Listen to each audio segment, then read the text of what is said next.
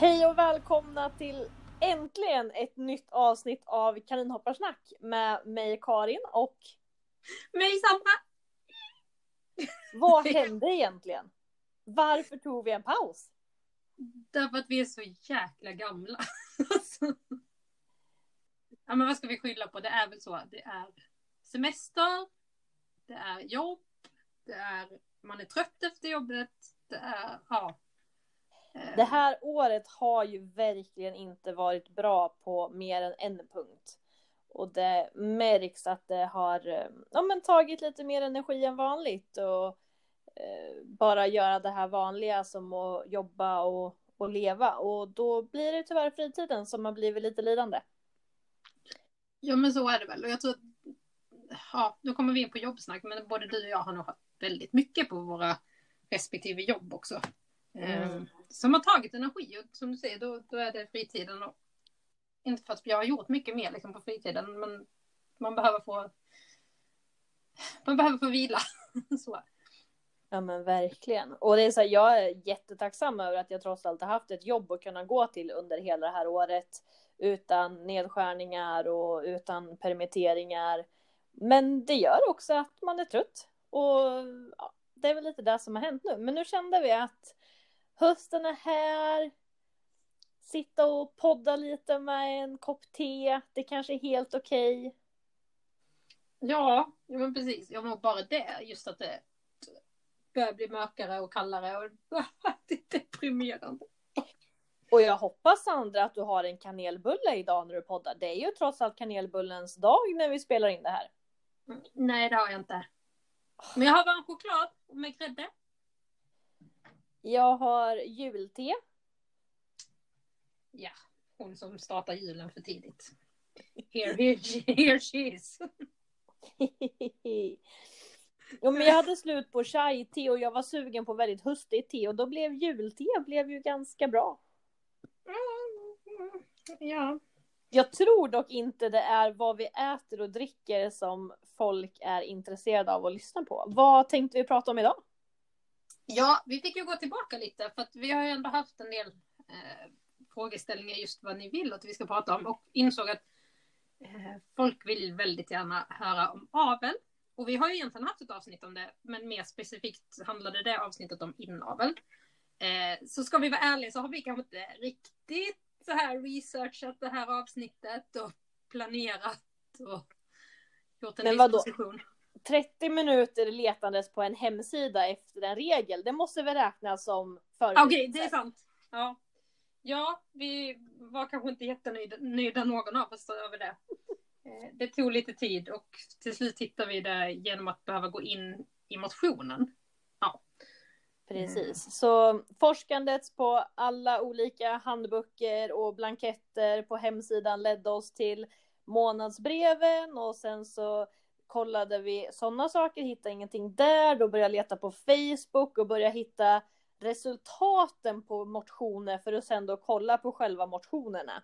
Lite omständigt kanske för att hitta gällande regler. Jag är nästan så att jag hoppas att vi har missat det skrivet någonstans väldigt uppenbart. Ja, och som två gamla styrelsemedlemmar så var vi väl lite slet vårt hår över det här att varför står det inte bara i typ men förbundshandboken till exempel är ju fantastisk och då är det så här, där skulle jag vilja hitta hade det, då, bara det borde inte passa i reglementet och inte i sjukdomsomboken. Vart hittar jag det? Och då, ja. Eh, lite frustration där. Eh, men den hittades till slut så det är sant som du säger, vi har gjort, vi har gjort den researchen.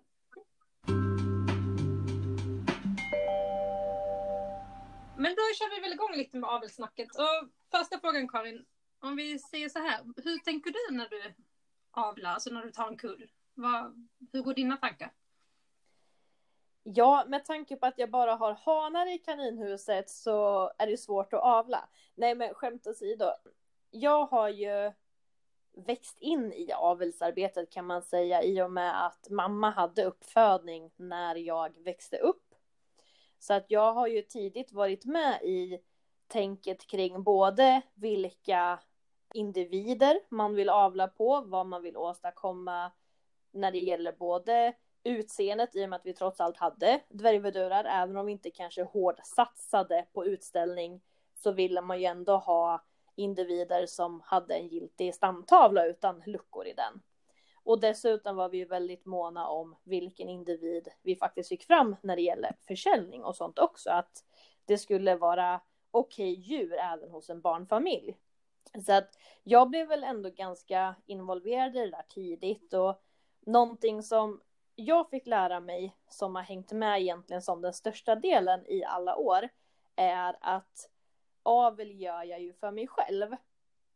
Och att det är helt okej okay att föda upp djur, men att jag ska alltid ha ett syfte med kullen. Och då kanske inte syftet bara ska vara att det här kommer bli snygga djur eller det här kommer bli bra hoppkaniner och sen så säljer alla, utan jag är ju uppväxt med att tar jag en kull så är det för mitt eget intresse och att jag vill behålla en avkomma. Sedan kanske jag inte får rätt färg eller rätt kön så att jag ändå säljer överskottet. Men för mig har det varit viktigt att jag ska alltid ha som syfte att ta en av mina egna ungar och inte bara producera och bidra till väldigt många fler kaninungar som vi trots allt har ändå när det blir väldigt många kullar hela tiden. Men där, du är ju inne på något viktigt också. Jag tänker som egentligen är ganska likartat vad man än håller på med. Ska du skriva en debattartikel så funderar du på vad är, alltså vilken är din målgrupp? Det är lite som du var inne på där med avel. Vilken är din målgrupp? Är det att sälja till en kelfamilj? Eller är det en duktig hoppare? Eller är det, för aveln ser ju, är det utställning för aveln ser olika ut. Eller så här, ditt mål med aveln blir ju beroende på vad syftet är för den individen, alltså målet mm. helt enkelt. Jag är ju inte liksom född in i det på det sättet, men jag började ju också inom utställningsvärlden. Eh, mina första kullar var fransk vädur och dvärgvädur. Och då var det också så här, det jag insåg snabbt var att jag behöver många fler fack kan jag tycka än liksom mina sex stycken fack jag hade. Om man ska hålla på med utställningsavel, för där vill du ha ett framsteg och så vill du spara djur och så vill du avla vidare dem med generationer eh, på ett annat sätt. Och där kan jag tycka hoppningen är lite alltså hoppaveln är lite lättare. Att jag behöver inte ha flertalet kaniner. Nu ska jag inte säga att alla skafuppfödare har liksom 40-talet djur, det är inte så. Men det... kanske fler än sex stycken i alla fall. Eh, så. Det känns som en väldigt stor skillnad också på en eh, utställningsavel och en hoppavel är ju att eh, utställningsaveln är ju väldigt stängd till min gård. Att jag köper in ett djur men sen så har jag mina egna djur, att jag har mina hanar och honorna. Medans hoppaveln är ju mer att jag lånar in en hane medans jag har min hona. Eller till och med att jag har en hane och jag lånar in en hona. Att den är ju betydligt större, alltså mer vidgad. Eftersom att man samarbetar på ett helt annat sätt. Tycker jag i alla fall. Ja, så är det. Och ska man bara liksom härföra det till någonting som har varit i år när det varit väldigt mycket koccidios bland, eh, har jag märkt hos hopparna, bara genom att kolla sociala medier. Så är det ju också, det kanske är en del av förklaringen det att vi är väldigt öppna med in och utförsel av djur eh, på ett helt annat sätt. Eh, vilket kan leda till andra problem. Men det, det är lite så här side-note.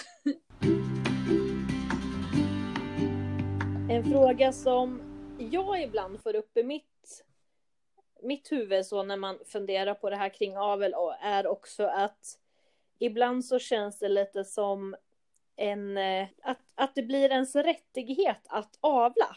Att man liksom, bara för att jag har en hona eller en hane så ska det avlas på dem. Mm. Hänger du med lite hur jag tänker där? Ja, jo, men, men jag förstår absolut hur du tänker. Och jag ska inte säga att jag inte själv kanske lätt hamnar där. Alltså det är nästan svårt ibland att se att här har jag ett djur som jag inte ska avla på så, för att man är så någonstans uppe i det, de djuren jag har. Jag, I alla fall jag sån, jag tror att det är väldigt olika också inom, alltså individuellt då, hos kaninhoppare, men jag skulle tro att de allra flesta är som en annan, att man vill ha sitt djur både som avelsdjur och som en tävlingskompis och då som en trevlig kompis hemma. Det, det, finns ju ett fåtal, eller kanske fler än vad jag tänker mig, som, som jag säger, jag har mina tävlingskaniner, jag är inte intresserad av avel.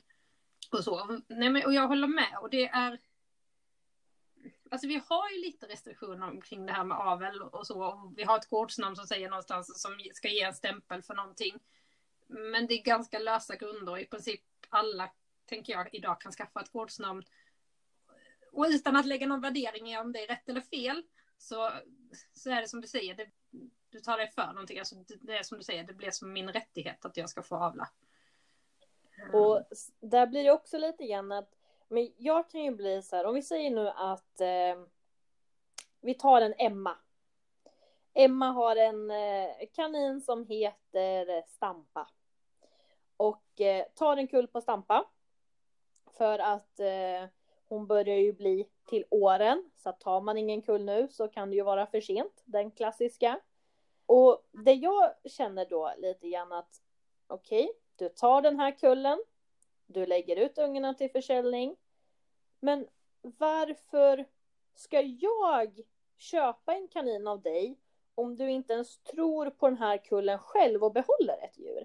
Det, det kan ju lite vara den här tanken jag ofta får att väldigt många kullar tas bara för att. Ja, jo men så, oh, det kan jag hålla med om. Jag vet att du har väl läst lite in på lagen om det där, alltså just med hobbyuppfödning, vad som gäller. Sen kanske det igen, alltså lagen kan ju vara luddig, att det kan tolkas olika, men du får förklara vad det står eller hur den... Vad spännande att jag inte har läst den här lagen på bra många år. Um, nej men det, det, var ju lite det jag fick lära mig. Um, så att vi har ju alla de här lagarna att du får ju utöva hobbyverksamhet och så länge det inte är för vinstdrivande och så länge du inte tjänar över ett visst antal summa så är det också skattebefriat och så. Men, men som sagt, jag fick ju lära mig att, att för att det skulle vara okej så var det då just att jag gör det av mitt intresse och inte för bara försäljningsintresset. Eh, sen vart det står, det vet jag faktiskt inte, men det, det var den grejen jag fick lära mig och jag för mig att det var i samband när jag gick kursen för att få eh, behålla gårdsnamnet i KAF när de gjorde om reglerna där. Och då utformades ju en kurs som var villkor för säljande och hållande Villkor för hållande, uppfödning och försäljning av kaniner. Den, den som var godkänd av Jordbruksverket var det ju. Ja. Och jag har för mig att det var i samband med den vi pratade mycket om det här. Så det är ju några år sedan nu, så att jag kan inte säga exakt lagar och paragrafer och så, men eh, det är där, där det kommer.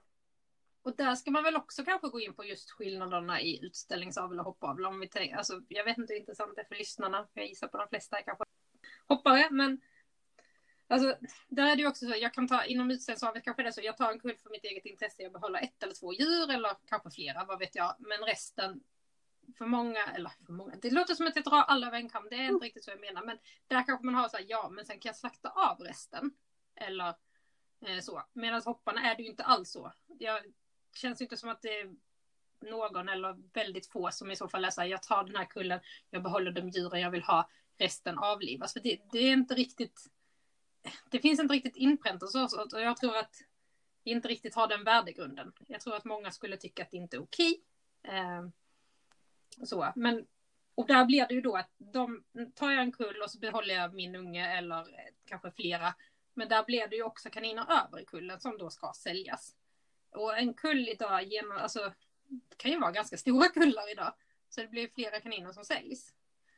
Um, och där är det också då frågan, igen tycker jag man hamnar tillbaka till vad är min, lite min målgrupp för den här kullen. För att jag som har hållit på med kaninhoppning ett tag vet vad jag letar efter och jag vill ha en kull, en, en unge för mig. Men sen kanske man också känner att ja, men sån här Lisa tio år av sig, kommer den passa henne? Liksom. Så det, och där är ju också en svårighet att balansera det. Precis, och det är ju också det här när man pratar om det här med att jag tar en kull. Jag måste ju kunna räkna med att men jag får tio ungar. Jag själv vill behålla två, men jag kanske även måste kunna behålla de här andra åtta. Och just den här äh, verkligen att kan jag göra det här? Bara för att jag kan ta hand om djuren betyder det att jag måste ta en kull. Måste jag producera den här kullen? Just det, lite som man pratar om, bara för att jag har en hona så är det inte en automatisk rättighet till att avla.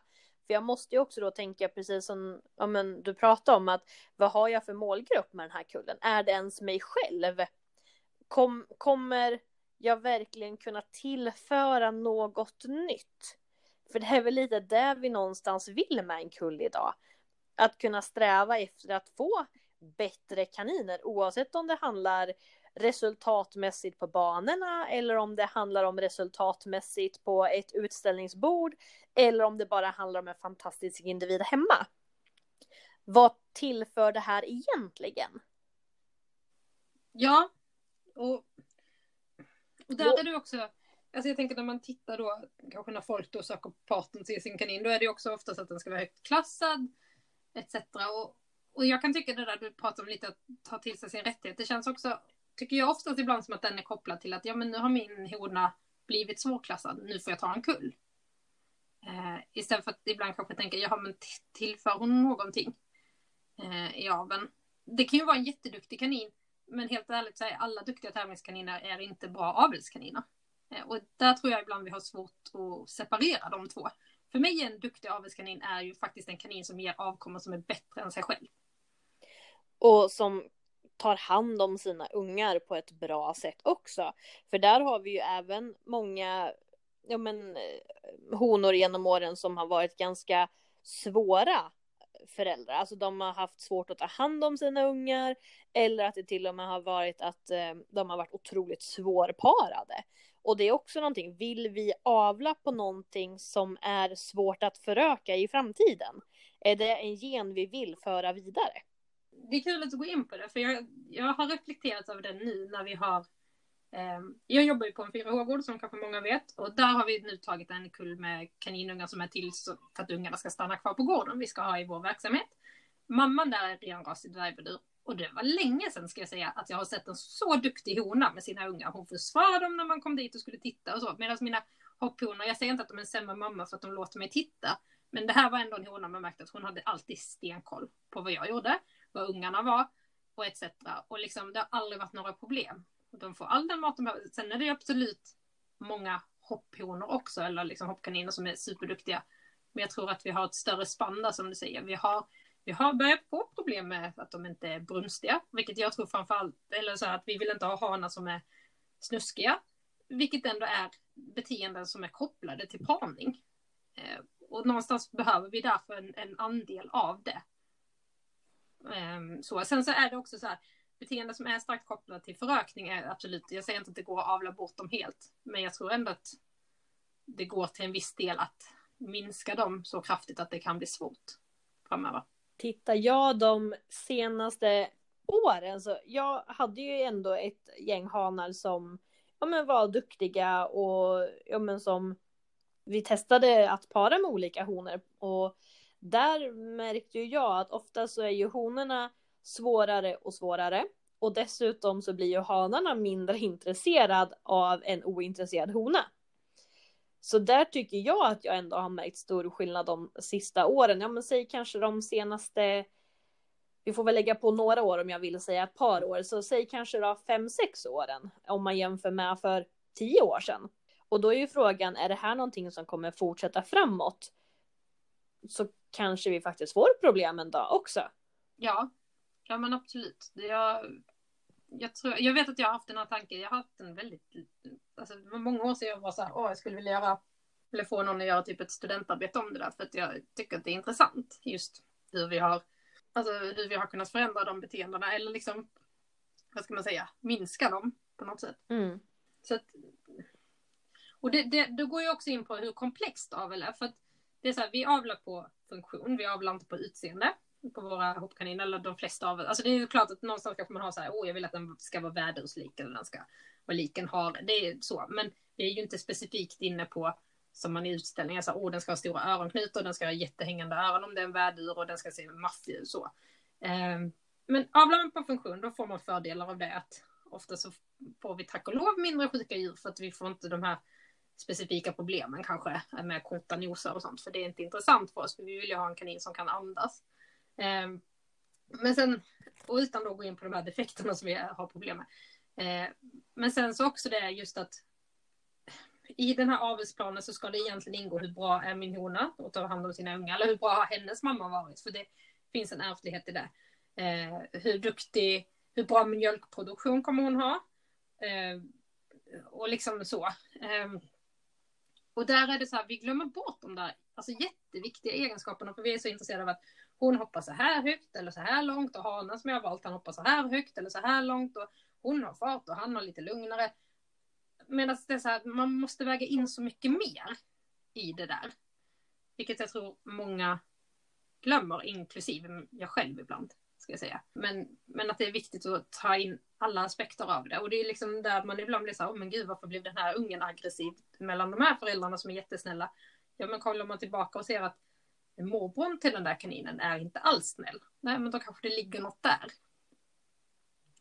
Så att, det är ju det svåra med avel. Liksom, dels är det gener och sen är det också miljöbetingat. Så då ska vi också kunna separera de två. Vad, vad tror vi är miljöbetingat och vad har vi faktiskt skapat genom att liksom, föra vidare generna.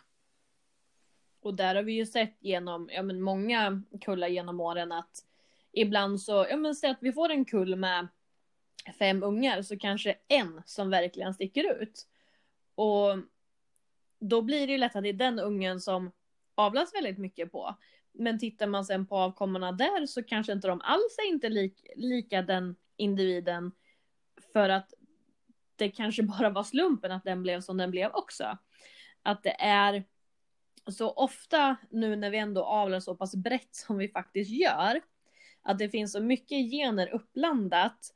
Att det är ganska ofta man ser en kull som inte alls blir så som man hade tänkt. Men den kanske är betydligt mer lik en annan släkting i närheten eller liknande. Att det är mycket svårare att kunna planera vad den här kullen kommer bli. För att generna är så uppblandade. Ja, och igen då lite också om vi ska fortsätta på det spåret just att den här duktiga individen i den kullen är kanske igen inte den som är den vi borde avla vidare på utan dens bror eller kullsyster kanske så här, de kanske inte är lika högt klassade om vi rent kollar meritmässigt men de kanske faktiskt ger betydligt bättre avkommor. Så att det, det är en svår balansgång där också. Så vad skulle du vilja tipsa en ny medlem om som är intresserad av avel? Oj. Så det här är jättesvårt. För min första, liksom, ska jag gå på mitt första, vad som poppar in i huvudet så är det så här, läs på. Ta till dig fakta. Alltså så här, fråga folk. Men där blir man ju också väldigt snabbt också att, att det finns så mycket olika åsikter om olika individer eller eh, som, som, vi har ett problem inom förbundet. Jag tror det börjar bli bättre, men det har varit mycket ett tag att det mörkas uppgifter etc. Och det är så här, helt ärligt, så här, nu kommer jag att dra alla över en kamel så att folk blir upprörda. Nej, men idag kan jag tycka att det finns en fara med vårt skuttli som är att folk säger, åh, men det här, eh, den här stammen har min kanid Och sen så så tappar man massa generationer som finns där bak, vilket Skuttli har dem, men man kollar liksom bara på den specifika individen. Eh, och jag tycker nog att idag att många har sämre koll på stammen än, än vad man hade förr, om jag får säga så. Vilket jag tror, det är lite mitt tips att faktiskt göra sig en uppfattning om stammen på sin kanin. Och just det som du var inne på det här med faktan, att fråga flera personer. Att det är lite som när man gör research till någonting, att vi kan inte bara gå på den första källan, utan vi måste kolla fler källor. Att, ja men, oavsett om det handlar om varför man ska avla eller inte avla på ett visst led, fråga båda sidorna så att du får chansen att ha en egen uppfattning. Men var väldigt noga med att ta reda på om det finns lagar och regler som också går in. För så kommer det alltid vara, att det är personer som tolkar lagen på sitt eget sätt. Men då måste man ju också själv vara den som faktiskt läser, tar reda på faktan och gör sin egen uppfattning. Absolut. Idag har jag märkt att många säger åh jag vill ha från den här uppfödaren. Eh, och så väljer man liksom uppfödare snarare än att faktiskt kanske välja det här är en kull jag tror skulle passa mig. Eh, och det finns för och nackdelar med det. För att det kan ju vara så att ja, men jag tycker att den här uppfödaren verkar jätteseriös gentemot andra, alltså om man jämför med andra.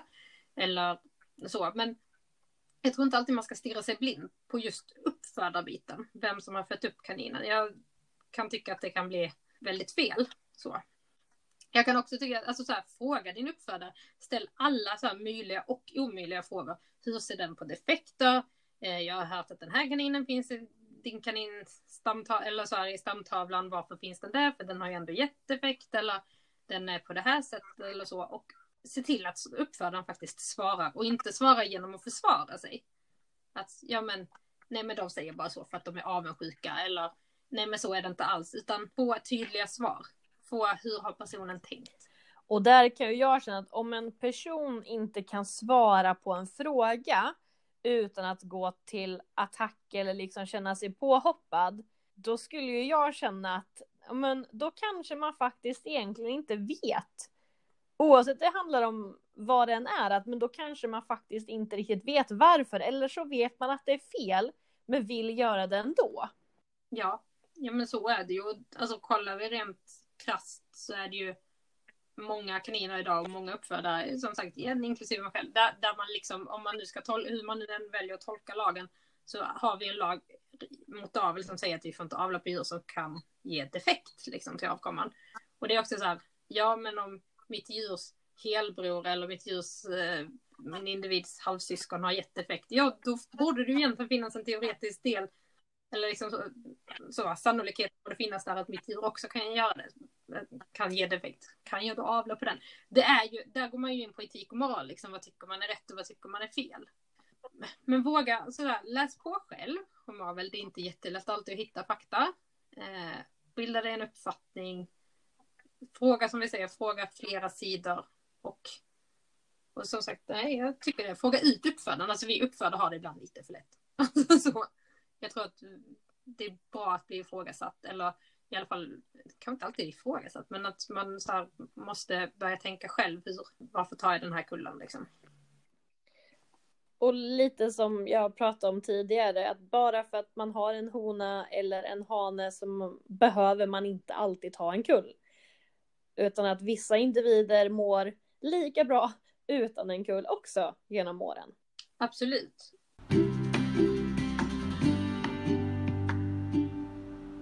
Känner ni att ni har mer frågor kring avel så tar vi väldigt gärna mer specifika frågor. Så kan vi gå in på det lite djupare. Det här blev ju väldigt mycket flytande uppe på ytan. Ja, det blev väldigt mycket diskussion, som, alltså mer oss emellan. Så, så att, och det är väl lite det vi tänkte att vi, vi försöker göra det här första avsnittet lite smidigt för oss själva. Att vi tycker att vi inte gör det liksom för jobbigt ren planering och redigering och så. Utan vi fick vi tar feeling, lite okay?